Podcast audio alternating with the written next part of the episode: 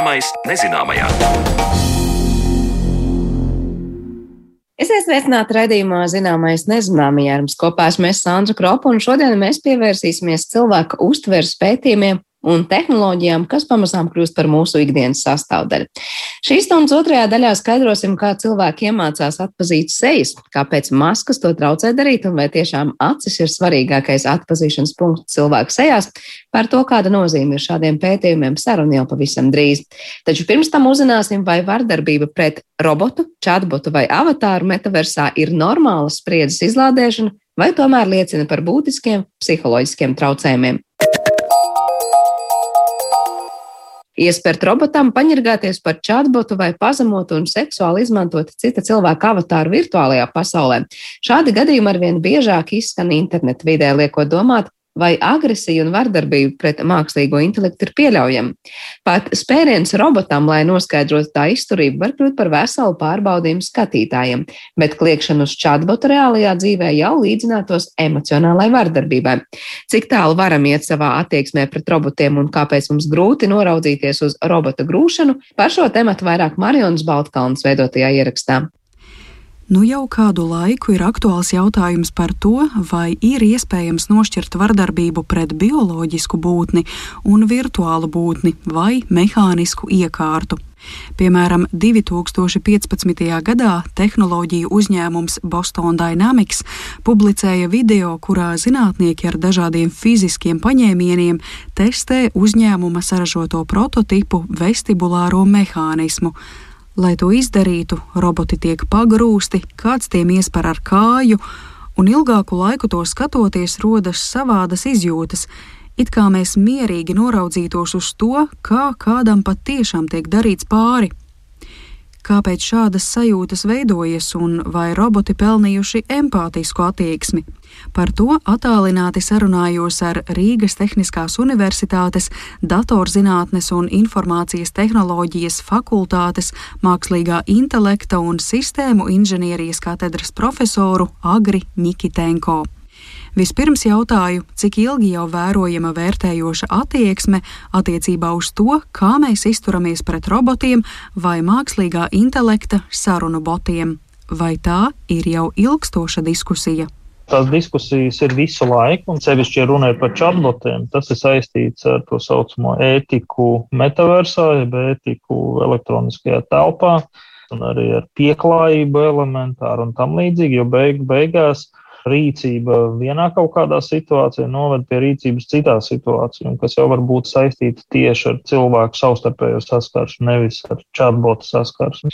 Lai to mazliet raksturotu, tieši tāpat kā cilvēki, sevišķi augot, kaut kādā brīdī nodara pāri dzīvniekiem, nu ne visi, bet nu, jāpamēģina, ko nozīmē, kas sāp, ko nozīmē, ka apvainojas. Tāpat skolā tur sakaujas, arī ar vārdiem mēģina viens otru aizskatīt tādā dzīves periodā, lai saprastu, kādas ir sekas. Tieši tāpat ar elektronisko telpu. Tātad mums ir jāmācās šādu saskarsmi, jo beigu beigās jau, nu, ja mēs nepieklājīgi uzvedamies vienās situācijās, tas neizbēgami noved pie šādas pašas uzvedības citās situācijās.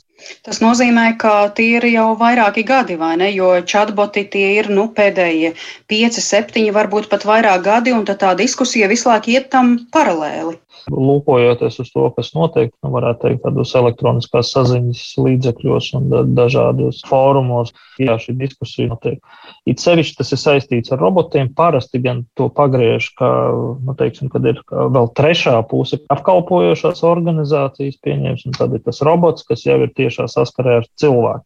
Un tad šie etikas jautājumi vēl iesaist vēl trešo pusi, un līdz ar to nu, nosacīt kļūst sarežģītāki.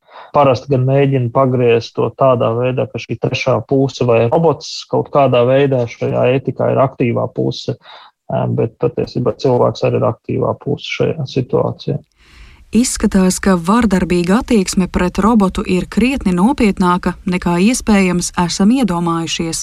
Agris Nikitenko norāda, ka roboti ir fiziskas iekārtas, un tas nozīmē, ka neētiska rīcība var novest pie tā, ka robotu vadības programmatūra nonāk neprognozējamā stāvoklī, kā rezultātā robots uzbrauc virsū garām gājējiem, un tās tad jau ir citas situācijas sekas.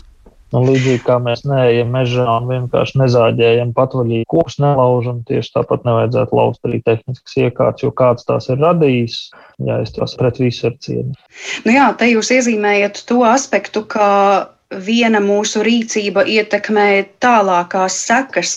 Bet tas, ko es gribētu tagad jautāt, ir um, sasaistē ar to, ko jūs arī pieminējāt. Nu, it kā roboti tikai fiziskas iekārtas, bet kāpēc mums, nu noteikti daudziem cilvēkiem, ir uh, grūti noraudzīties uz eh, video materiāliem, kur mēs redzam, ka uz skrejceļa braucošu robotu vienkārši pagrūž, tam spar ar kāju, vēl kāds izdomā to robotu iejūgt tajā zirgu pajūgā un ar to braukt. Un eh, daudzi cilvēki komentē, ka ir smagi uz to noskatīties. Tas tieši ir saistīts ar robotiku kā tādu, nu, kā jomu, tāpēc, ka eh, nu, cilvēkam ir raksturīga tāda lieta kā empātija.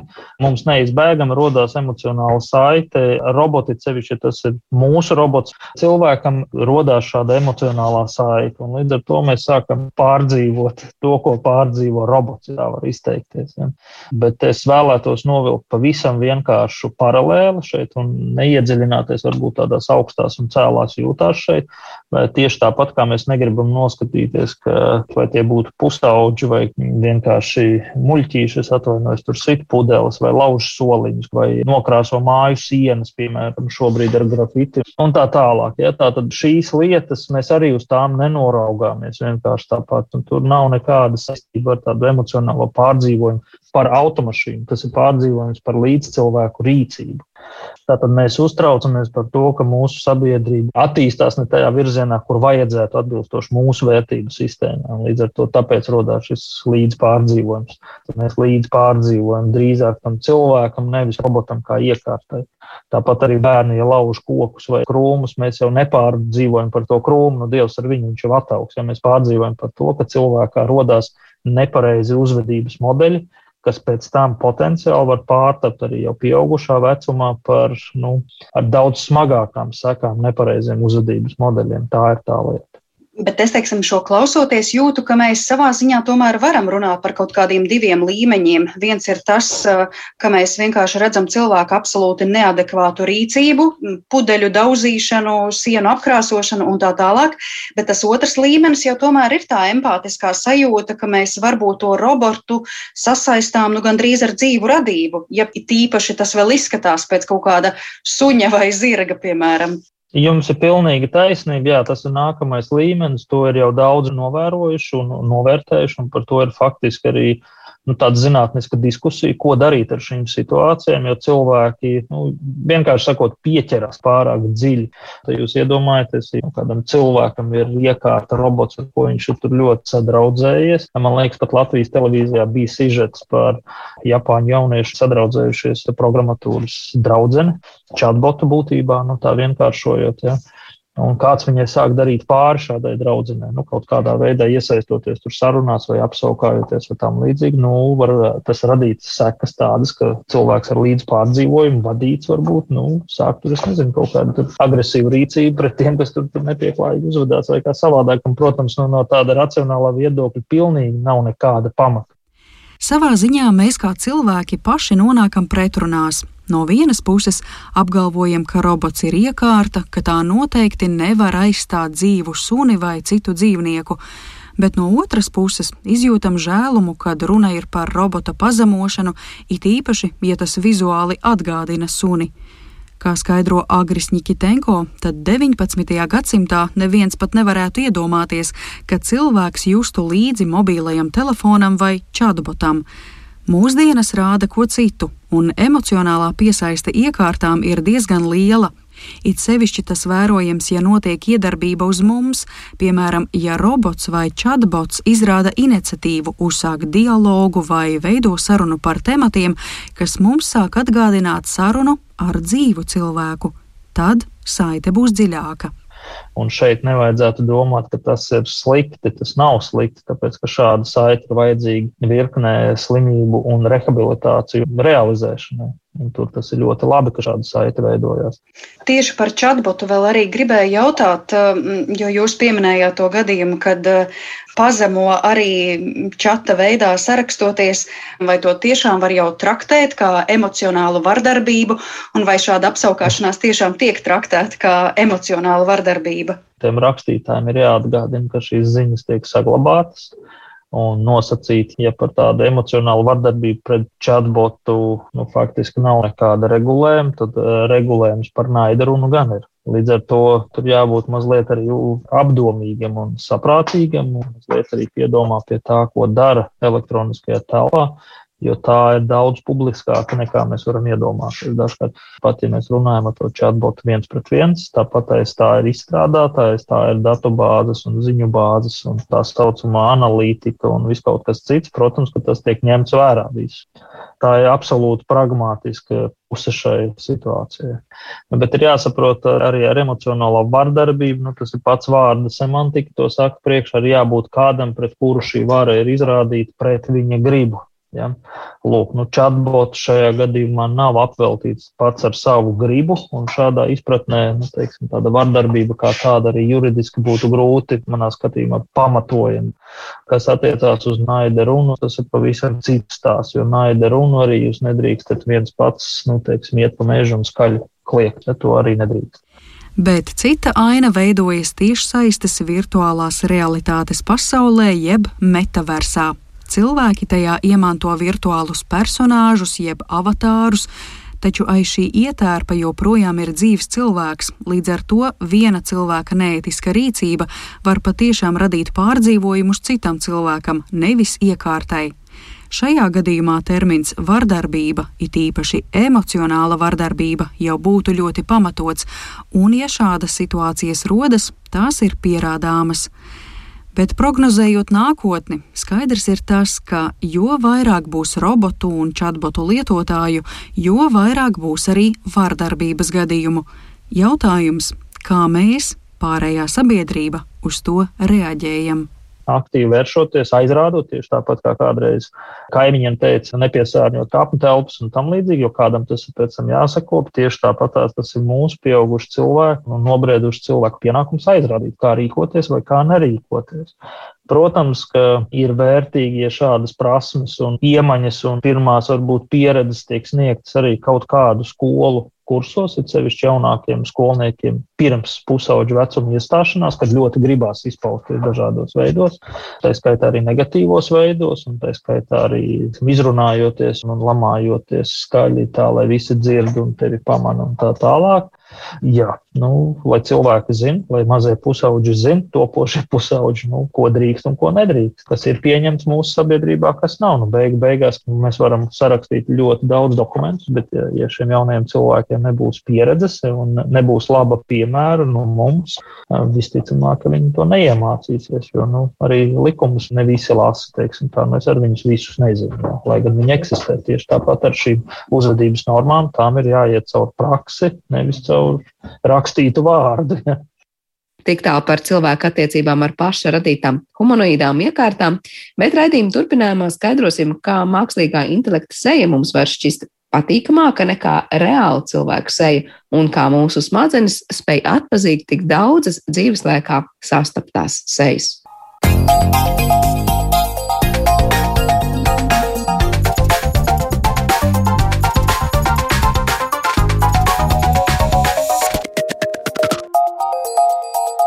Zināmais nezināmajā.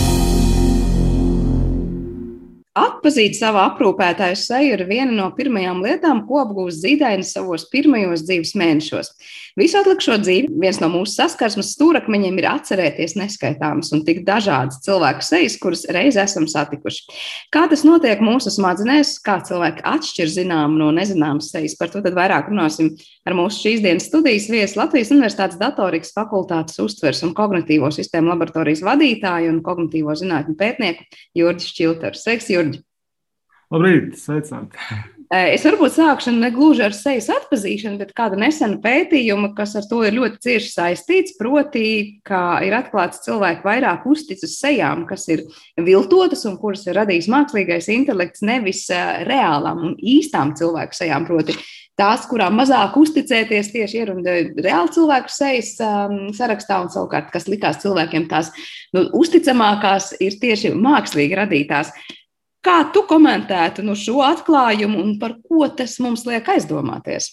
Jā, nu, pirmkārt, jau jāsaka tas, ka tie, tie dati par uh, mākslīgi ģenerētu seju uzticēšanos, viņi nav tādi vēl gluži viennozīmīgi. Arī, arī, arī uh, mazliet pretēji rezultāti, bet um, tā problēma ir tāda, ka seju uh, atpazīšana, seju identifikācija, nu, respektīvi, brīdī, kad mēs to, to cilvēku saprotam kā tādu, ko mēs pazīstam, un, un, un tad, tad jautājums par to, vai mēs viņam attiecinām kaut kādas uh, emocijas, vai mēs uzticamies, tie ir īstenībā atšķirīgi procesi.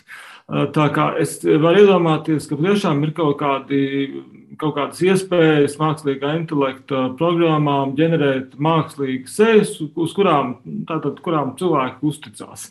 Bet tas nenozīmē, ka, uh, ka, ka cilvēkiem viņas kopumā patīk labāk vai viņi jūtās komfortablāk ar šīm sejām. Tas, nu, kā teikt, Vienkārši mums jāsaprot tas, ka, tas, ka mēs atpazīstam kaut ko kā seju, vai arī ka mēs piešķiram kaut kādas emocijas, sejas izteiksmes, nu, sakot, atpazīstam un, un identificējam. Tas ir dažādas, tie dažādi, dažādi procesi.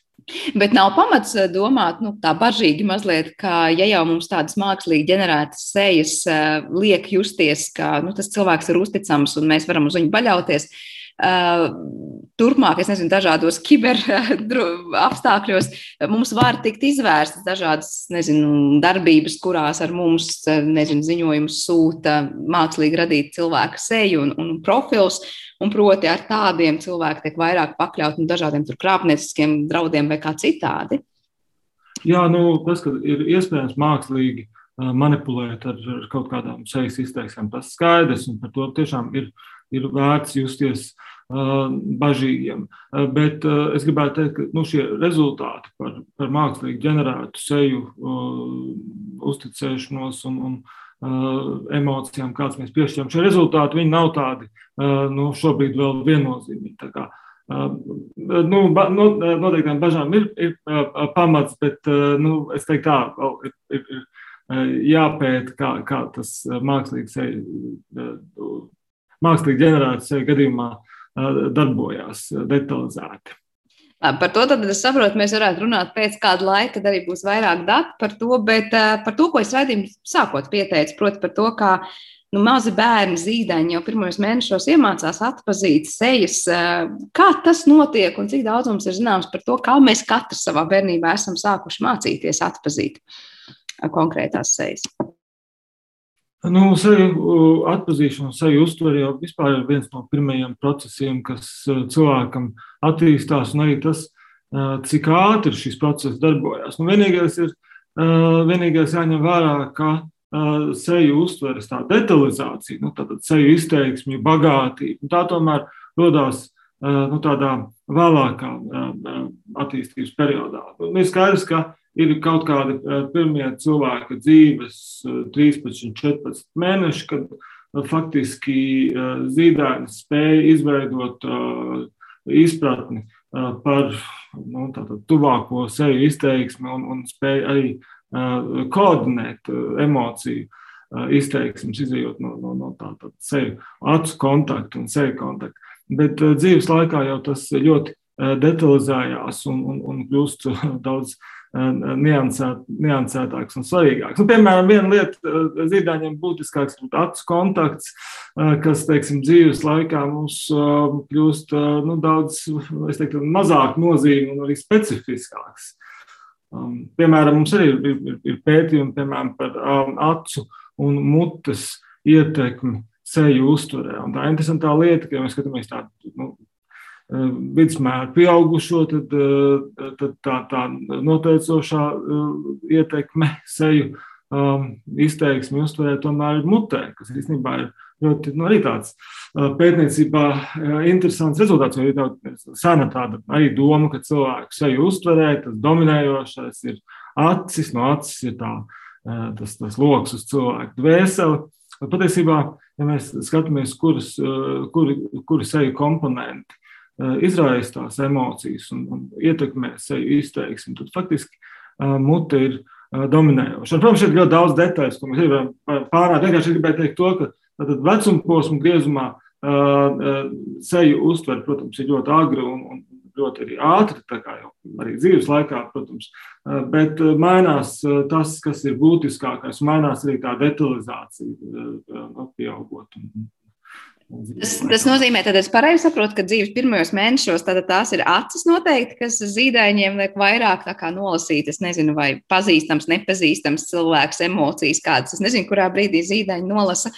Uh, un savukārt, vēlāk, pieaugot, mēs noteikti vairāk saprotam par to, kā ir noskaņots mums pretim sēdošais vai stāvošais cilvēks, uh, pēc tā, kādas ir viņa mutes kustības mutes kustības un sejas eh, konfigurācija kopumā. Protams, ir skaidrs, ka arī zīdaiņiem ir, ir jutīgums, tā sensitivitāte pret uh, seju, uh, sejas konfigurāciju kopumā, bet tā interesantā lieta ir tāda, ka uh, viņa ļoti strauji nu, detalizējās un attīstās. Tā kā faktiski pašiem pavisam maziem bērniem ir, ir, ir, ir nu, viņi atpazīst seju, bet, bet tas, teiksim, tas tā, nu, tā, tas, tas galvenais ir skatiena koordinācija. Un, ja mēs skatāmies tos, nu, to kritisko laiku, kad izveidojās nu, tie, komunikācija nepieciešamie sejas um, uztveres mehānismi, nu, tad ir uh, cilvēku dzīves nu, 13, 14 mēneši pirmie.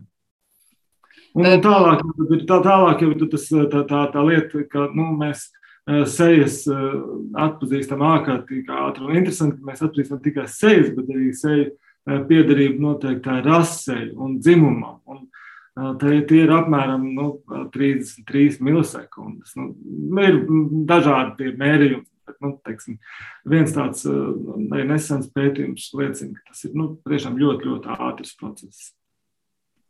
Eh, bet pieminēja rases, un prātā nāk tas, kā bieži arī, es domāju, mēs katrs esam pārliecinājušies, eh, kāpēc, piemēram, mums skatoties uz citas rases cilvēku, mums tās sejas atpazīt ir daudz grūtāk. Nu, kā lūk, šis cilvēks no tā atšķiras ar konkrēti, nezinu, mums liekas, varbūt nepamanāmām lietām, savukārt tās pašas rases cilvēkam likties, nu kā tas ir tāpat kā nu, neiespējams sajaukt šos divus cilvēkus. Tā ir tiesa, un tur zinātniski arī ir kāds pamatojums, ka, piemēram, es nezinu, skatoties šobrīd, uh, uz jebkuras citas rases cilvēku to, to diferenciāciju noteikti sejā ir daudz grūtāk. Jā, tas ir ļoti robusts, robusta parādība. Tātad mēs savas rases ietveros ar lielāku precizitāti, lielāku, tad mums ir tās, tās, tās, tās variācijas, kuras mēs atšķiram, ir, ir būtiski lielāks skaits nekā, teiksim, citā uh. Un otrādi, protams. Ja. Nu, vienīgais, ka šis efekts mazinās tajā brīdī, kad mums ir lielāka uh, saskars, uh, saskarsme ar, ar, ar tiem citas rases pārstāvjiem. Tā kā pēc būtības šis efekts ir robusts un viņš patiešām ir, ir darbojās vis, visās kultūrās, visās rasēs. Bet viņam ir tendence mazināties, ko līdz mums pieaug um, interakcija ar, ar, ar citas Tad nevelti vairāk laika pavadot kopā vai iepazīstot cilvēkus labāk, mēs arī varam šīs pašas nianses noteikt.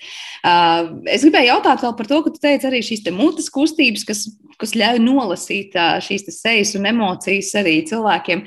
Cik lielā mērā mēs varam nu, kontrolēt vai pakļaut mūsu gribai, nu, tādā ziņā, ka varbūt viena emocija mūsos būs iekšā, bet mēs, teiksim, tā nu, uz āru neizrādīsim, cik lielā mērā mēs nevaram tomēr noslēpt to, kā mūsu acis, sejas kustības mute patiesībā atklāja to, nu, kāda ir tā emocija, kur nolasīs pretim esošais cilvēks. Jā, nu, ir droši vien divas lietas. Viens ir, ja mēs domājam tieši par emocijām, tad uh, ilgus gadus bija tāds nu, ļoti liels optimisms uh, pētnieku vidū, ka sejas ir tāds ļoti labs emocijas poguls. Un tad pamazām sāk atklāt, ka pirmkārt jau dažādās kultūrās tās emocijas sejās nemaz tik līdzīgas nav. Un arī atklāja, ka, protams, individuālās atšķirības ļoti lielas. Piemēram, ir cilvēki, kuri vairāk smaida, kad viņi priecīgs, mazāk smaida. Ir ļoti atšķirīgi tā, tā, tā, tas, kā mēs tās um, emocijas izsakām ar sejām. Bet uh, ir cita lieta, nu, mums jau tās uh, seju izteiksmes nav, nav jau tikai emocijas, tur mums ir ļoti daudz arī uh, nu, citu, piemēram, citu faktoru, piemēram, lai, lai uh, izveidotu acu kontaktu, lai uh, koordinētu sarunas gaitu. Un, un tā būtībā es teiktu, tā seju izteiksme kā tāda, tas jau ir, ir, ir plašāks, uh, plašāks tāds, tā teikt, uh, process. Nu, pētniecībā ir tas, tas nu, kas, par ko neviens īpaši šobrīd nediskutē, tas, ka mums faktiski ir divi, divi procesi. Viens ir ļoti ātrs, kad mēs vispār konstatējam, ka mūsu kaut kur acu priekšā ir seja. Mēs nevaram pateikt, kas tas ir par cilvēku. Bet īstenībā mēs, ar, mēs, mums ir varbūtība, ka mēs varam pateikt rases un, un, un, un, un, un, un dzimumu atšķirības. Tas, tas tā iespēja pastāv. Bet tālākais, tālākais solis ir tas, ka mums, mēs apstrādājam šo sejas identitātes informāciju. Nu, doma tāda, vai mēs viņu šo, šo cilvēku pazīstam vai nē. Nu, un tad šajā visā sakarā ir vēl viena ļoti interesanta lieta, ka tajā eh, brīdī, kad mēs atpazīstam, nu, tajā pirmajā solī, kad mēs atpazīstam kaut ko kā seju, ja, vienkārši nu, kaut kas sejveidīgs ir mūsu acu priekšā, eh, mēs izdarām ļoti bieži kļūdas. Mēs kļūdāmies. Mēs, uh, sejas ielasām kafijas tasītē, debesīs, ieceptā kūkā. Ja? Nu, kaut kādas tātad šī lieta mūsos strādā ļoti ātri un faktiski nekontrolējami. Ja? Tad mēs, mēs, mēs ielasām sejas, kuras mums reāli nav. Un to sauc par pareidoliju, tādu tā, nu, parādību. Tas nav nekāda nekāda teiksim, ne slimība, nekāda nu, tāda slikta deviācija cilvēku uztverē, bet viņi visiem darbojās. Ja? Un, un, un, un milisekundžu laikā mēs šo te, nu, šķietamu seju, protams, spējam atsijāt no, no reālās sejas. Bet vienkārši tas ir, tas ir patiešām nu, interesanti, ka nu, milisekundžu laikā mums ir tas pats mehānisms, kas darbojās reāli seju uztverē, viņš darbojās arī arī uh, kafijas tasītas uh, gadījumā, kur mums ir kaut kāds smaidiņš piepieši kaut kā sagadījies. Es tam citu, jā, līdzīgi dzirdēts, ka cilvēki saskata šīs sejas, nu, nosacītās sejas, precīzāk arī kaut vai vienalga nedzīvos priekšmetos, tur automašīnas vai lidmašīnas, kas saka, jā. ir tā sajūta, ka tas ir kā skumīga vai neskumīga vai dusmīga seja. Ko tas liek domāt par mūsu nu, evolūciju un mūsu uztveri? Tas nozīmē, ka mums vienkārši ir bijis ļoti, ļoti vitāli svarīgi vienmēr spēt nolasīt pretinieku, es nezinu, seju vai, vai emociju, ja jau reiz tas ir tik ļoti nu, mūsu zemapziņā, vai es nezinu, kur iesēdies, ka mēs nedzīvos priekšmetos šīs sejas spējam saskatīt. Jā, jā, tieši tā. Tīri no evolūcijas viedokļa, no tādas izdzīvošanas viedokļa, mums ir ļoti svarīgi atpazīt seju. Mēs, atšķirībā no citu objektu uztveres, mēs esam daudz jutīgāki, mēs daudz agrāk un daudz precīzāk atpazīstam uh, seju un nu, tā seju informāciju. Un vienkārši tā īpatnība tāda, ka mēs ņemot vērā, ka šis process ļoti ātrs, mēs seju informāciju ielasām kaut kur, kur tā nu, reāli nav. Bet tas ir tikai tātad, tas evolūcijas gaitā izveidotais jutīgums pret sejai līdzīgiem stimuliem tas emocionālais, nu, teiksim, smaidiņš vai, vai, nezinu, vai, vai dusmas, vai nezinu, ko mēs tajā, nezinu, kūkā vai, vai kafijas tasītē, vai kur mēs to sevi ielasām. Viņš jau īstenībā mūs arī ietekmē smieklīgā veidā, pat ja mēs saprotam, ka tā nav seja. Tā kā, nu, tas tāds, nu, mēs jau katrs taču esam redzējuši kaut kādu nu, teiksim, automobīļu priekšpusi, kur ir acis, uh, es domāju, mēs ielasām acis tajās uh, lampās un, un, un, un muti priekšpusē. Tā kā, teiksim, tas, tā, tā emocija, informācija, kas ir tajā pareidolīs stimulos, mums jau arī ietekmē, neraugoties to, ka tā nav seja reāli. Bet vēl bija interesants pētījums, kurā skatoties uz to, nu, kādas sejas ir tās, ko mēs saskatām tur, kur to seju nav. Ka interesanti, nezinu, vai tu to esi dzirdējis, var kā komentēt, biežāk tiek nolasīta vīriešu seja nekā sieviešu seja. Vai tev ir kāds minējums, kāpēc un kā tas varētu būt noticis?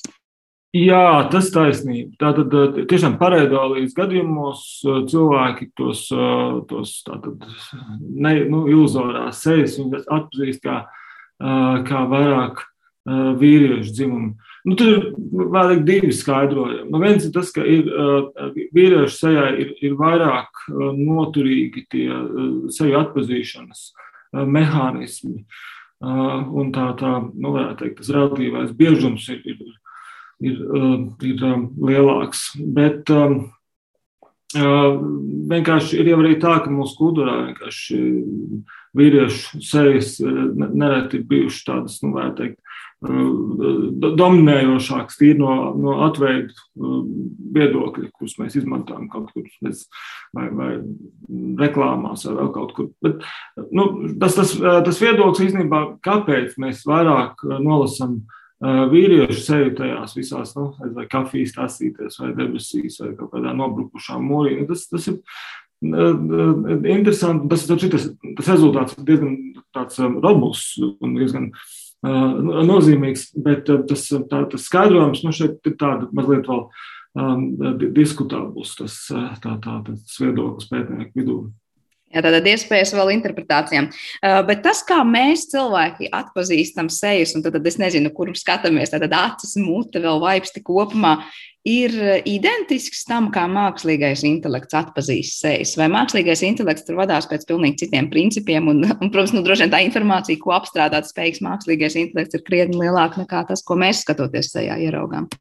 Jā, nu, pilnīgi precīzi. Tātad mākslīgā intelekta sistēmas strādā daudz lielāku informācijas apjomu, bet, nu, protams, pilnīgi atšķirīgi salīdzinām ar to, kā mēs apstrādājam sevi informāciju. Teiksim. Mūsu gadījumā tas apstrādes ātrums un, un noteiktu sejas izteiksmju nolasīšana ir, ir, ir nu, gan viennozīmīgāk, gan ātrāk. Savukārt, mākslīgā intelekta sistēma gadījumā tā īpatnība, ka ir, ir, ir iespējams manipulēt vai, vai izskaidrot kaut kādas sejas izteiksmus, kas vairāk atbilst vienai vai otrai nu, emocijai. Ja? Tas, nu, tāpēc arī mēs jau pašā sākumā par to runājam, ka nu, nu, tie tehniski, protams, ir iespējams manipulēt ar, ar, ar seju mm, informāciju. Nu, tādā ziņā, ka mēs varam kaut kādas emocijas akcentēt vai, vai, vai reducēt. Tas gan tiesa. Bet tas, kā sevi informācija ļoti bieži manipulē arī, arī, arī sabiedrisko attiecību un, un reklāmu industriju, tas jau arī tāda, nu, būtībā sena lieta, piemēram, ļoti bieži reklāmās. Ja jūs skatāties nu, pulksteni, minūšu un, un stundu rādītāji, nu, viņi ir smaidiņi veidā, nevis, nevis bēdīgas sēņas veidā. Tas jau nav nejauši īstenībā mūsu ļoti ātri šī pareidolīga informācija, nu, tāda iluzora seja informācija, viņa mūs ietekmē emocionāli. Tā kā, teiksim, tas nav, nav, nav nekāds pārsteigums, ka pētījuma rezultāts par seju uztvēru izmanto arī, arī reklāmu industrijā un, un visai, visai netriviālā veidā. Bet, ja mēs mazliet pievēršamies tam, kā mēs tās reālās cilvēku sejas atpazīstam dzīves laikā, vai ir kaut kāds, es nezinu, limits vai nezinu, apjoms, cik mēs vispār varam atcerēties dažādas sejas un, un tās atpazīt. Proti, nevis tikai tas ir vai nav cilvēks un cilvēku seja, bet kas tas par cilvēku un ka es šo seju esmu kaut kur redzējis. Jo dažkārt liekas, cilvēki arī saka, es varu atcerēties vārdus, bet es neatceros sejas. Citi saka, otrādi es atceros sejas, bet es vispār neatceros, kas tas par cilvēku. Uh, Jā, nu, ir, ir, ir divas lietas. Viens ir tas, ka mēs atpazīstam cilvēkus diezgan uh, labi, un tās, tās, tā seju identifikācija īstenībā strādā diezgan labi. Protams, dzīves laikā, tāpat kā citiem uztveres un kognitīviem procesiem, viņam ir tendence pasliktināties. Tātad, uh, vecākiem cilvēkiem. Mm, bet, eh, bet tas, ka mēs viņu atpazīstam, tas jau nenozīmē, ka mēs viņu uzreiz varam verbalizēt. Un ļoti bieži mums tā problēma ir tāda, ka mēs uz sevi atpazīstam, mēs varam pateikt, kas ir tas vārds tai sejai. Eh, un, un te ir tā lieta tāda, ka mums jau eh, tā seja informācija ir sašūta, saslēgta kopā mūsu prātā ar ļoti nu, kompleksu demogrāfisko un biogrāfisko informāciju, ko mēs par šo cilvēku zinām, iespējams. Ja? Un līdz ar to tas nav nekas neparasts, ka mums ir grūtības varbūt uzreiz atrast to vārdu vai uzvārdu tam, tam, tam cilvēcim, ko mēs acu priekšā redzam. Tā kā, es, es, tas, cik daudz mēs varam atcerēties, nu šeit tādu ierobežojumu. Protams, nu, skaidrs, ka tas nav, nav, nav neierobežots process, un salīdzinot ar citām mūsu maņām, tam, tam ir robeža, bet es domāju, ka tā, tā, tā lieta ir tāda, ka nu, atzīt, identificēt kā unikālu seju, kur mēs esam nu, vai nu redzējuši, vai mēs zinām, nu, šis, šis seju objektu skaits ir, ir ļoti liels. Jā, tas, tas, tas, um, tas par to pētniecībā ir diezgan liela vienprātība, ka mēs diezgan viennozīmīgi spējam atpazīt ļoti lielu skaitu Mēs pat neaizdomājamies, cik ir šis lielais skaits un cik ļoti mēs pat esam varbūt tiešām zemapziņā atpazinuši seju, bet, bet atcerēties to un saprast īsti vēl nevaram. Bet šie pēdējie divi gadi, kad nu, pietiekoši daudz esam viens otru redzējuši sejas maskās, vai no pētniecības viedokļa arī tas ir kas um, interesants un jauns. Proti, ja sākumā, man liekas, mēs tomēr viens otram vairāk teicām, ui, grūti atpazīt cilvēku, jo, jo maska ir uz sejas tad nu, kaut kā liekas, esam iemācījušies pat brīžiem nolasīt cilvēku emocijas, neredzot muti, par ko tu stāstīji jau raidījuma sākumā, ka nu, tas ir ļoti, ļoti būtisks elements. Kā tev liekas, ar šīm maskām mēs esam vairāk iemācījušies lasīt detaļas, ko varam nolasīt no acīm un ap acīm, nu, protams, sejas vaipstiem, neredzot konkrēti muti? Jā, nu, pirmkārt, jāņem vērā tas, ka uh, sejas maskas jau nav vienīgais, uh, kas tajā brīdī uh, nu, ir, kā teikt, nu, labi, ir acis, nu, tātad pārējā sēras ir, ir nosakt. Mums jau taču ir, ir balss, mums ir, ir, ir cilvēku ķermeņa kustības, kuras, starp citu, daudz precīzāk tādā ilgtermiņā pauž emocijas. Bet um, skaidrs, ka viena lieta ir tā, ka acis ļauj ļoti labi koordinēt sarunu. Tas jautājums, vai mēs Eh, varam nolasīt, eh, un cik precīzi mēs varam nolasīt emocijas, ļoti bieži varbūt nav tik, eh, nu, tik būtisks. Bet skaidrs, ka seju, uz, seju uztver masku lietošanas situācijās, protams, ka viņi ir ietekmēti. Vienkārši viņi nav tik triviālā veidā ietekmēti, nu, kā varētu domāt, nu, ka cilvēki nevar nolasīt emocijas. Nu, tātad, nu, ir, ir interesanti, interesanti novērojumi, teiksim, tie kolēģi, kuri ir varējuši Mm, varējuši eksperimentāli nu, konstatēt, ka, piemēram, attraktivitāte kuriozā veidā tiek uztverta kā lielāka cilvēkiem ar maskām. Nu, izklausās ļoti tā, nu, intuitīvi jocīgi, bet nu, tomēr tāda eksperimenta rezultāti ir arī, ka tica, nu, mēs varam paļauties vairāk uz cilvēkiem maskās. Nu, tātad. Eh, bet, eh, bet jā, nu, kopumā, protams, ka gan, gan pieaugušiem, gan bērniem ir grūtāk nosīt emocijas, protams, ja cilvēks ir maskā. Tas nenozīmē, ka ir grūtāk saziņa kopumā, bet, bet nu, tāda emocija atpazīšana. Protams, ja cilvēkiem ir kaut kādas uh, Eh, nu, teiksim, dzirdes traucējumi, tad jau tā kritiskā komponente ir mute. Nu, līdz to, protams, runas uztvere var būt ietekmēta. Un, un, nu, pēdējie tādi arī nu, nesen pētījuma rezultāti liecina, ka vīriešu un sieviešu populācijā ir atšķirīga. Tomēr tā masku uztvere, nu, teiksim, sieviešu populācijā tas galvenais, galvenā, galvenais trūkums ir, ir, ir nu, tāda diskomforts saziņas laikā, un savukārt vīriešu populācijā tā ir, nu, varbūt tāds nosacīti, nu, nespēja kontrolēt situāciju kaut kā. Nu, Jāņem vērā, protams, ka šie visi pētījumi viņi, uh, ir uh, specifiski kādā noteiktā kultūras kopienā. Viņi arī specifiski, uh, nu, kā mēs šeit runājam, vecumam uh, un, un uh, dzimumam. Un, teiksim, ja mēs runājam par vecumu, tad jau arī interesanti, ka, piemēram, nu, testējot bērnus un pieaugušos ma maskām, nav viena tā pati ieteikuma. Tā kā, teiksim, tās uh, sevi informācija, kas ir pieejama cilvēkiem, kuriem maska, viņam jau ir uh, ļoti atšķirīgi, un tādā ietekme arī atšķirīga. Tā kā, nu, piemēram, bērniem viņiem dusmu emocijas ļoti labi nolasās, faktiski pat labāk nolasās masku gadījumā. Viņam tā maska būtiski neietekmē. Nu, kas vienkārši liecina to, ka tā kopumā seju uztver ir tāda nu, kompleksāka nekā mēs varam domāt. Nu, masku lietojums, līdz ar to emocijas vājāk nos. Jā, taisnība, bet nu, tās nianses ir ļoti tādas nu, smalkas. Tas nozīmē, ka tu teici, ka bērnu gadījumā dusmas, piemēram, pat vairāk nolasīsies tad, ja viņš ir maskā. Es pareizi sapratu. Jā, nu, maskas, piemēram, nolasīsies, ja ir, ir pat, pat, man arī, jā, pat, nu, tad, cilvēkiem, pieaugušiem, kuriem ir maskas, bērnu gadījumā tas, tas nu, dusmas labāk nolasīsies. Vai arī tā saucamās neitrālās emocijas, viņas nolasīsies labāk. Kas liek domāt, ka laikam vismaz šajā gadījumā vairāk caur acīm tiek nodot šī informācija, proti, vai viss pārējās ejas nu, kas ir tā daļa, kas nav maskas apsakta, kas bija arī interesanti, ka tajā brīdī, kad mēs intensīvi domājam kaut ko, tad mūsu it kā acu zīlītes paplašinās, un es domāju, ka laikam arī tajā brīdī skatoties uz acīm vien, nu, cilvēki, mēs pat nejūtam, cik daudz informācijas mēs nolasām par otru, kas notiek tajā brīdī, kā viņš ir noskaņots, ko viņš dara, melo vai nemelo, laikam tas arī ir kaut kas, kas jāņem vērā.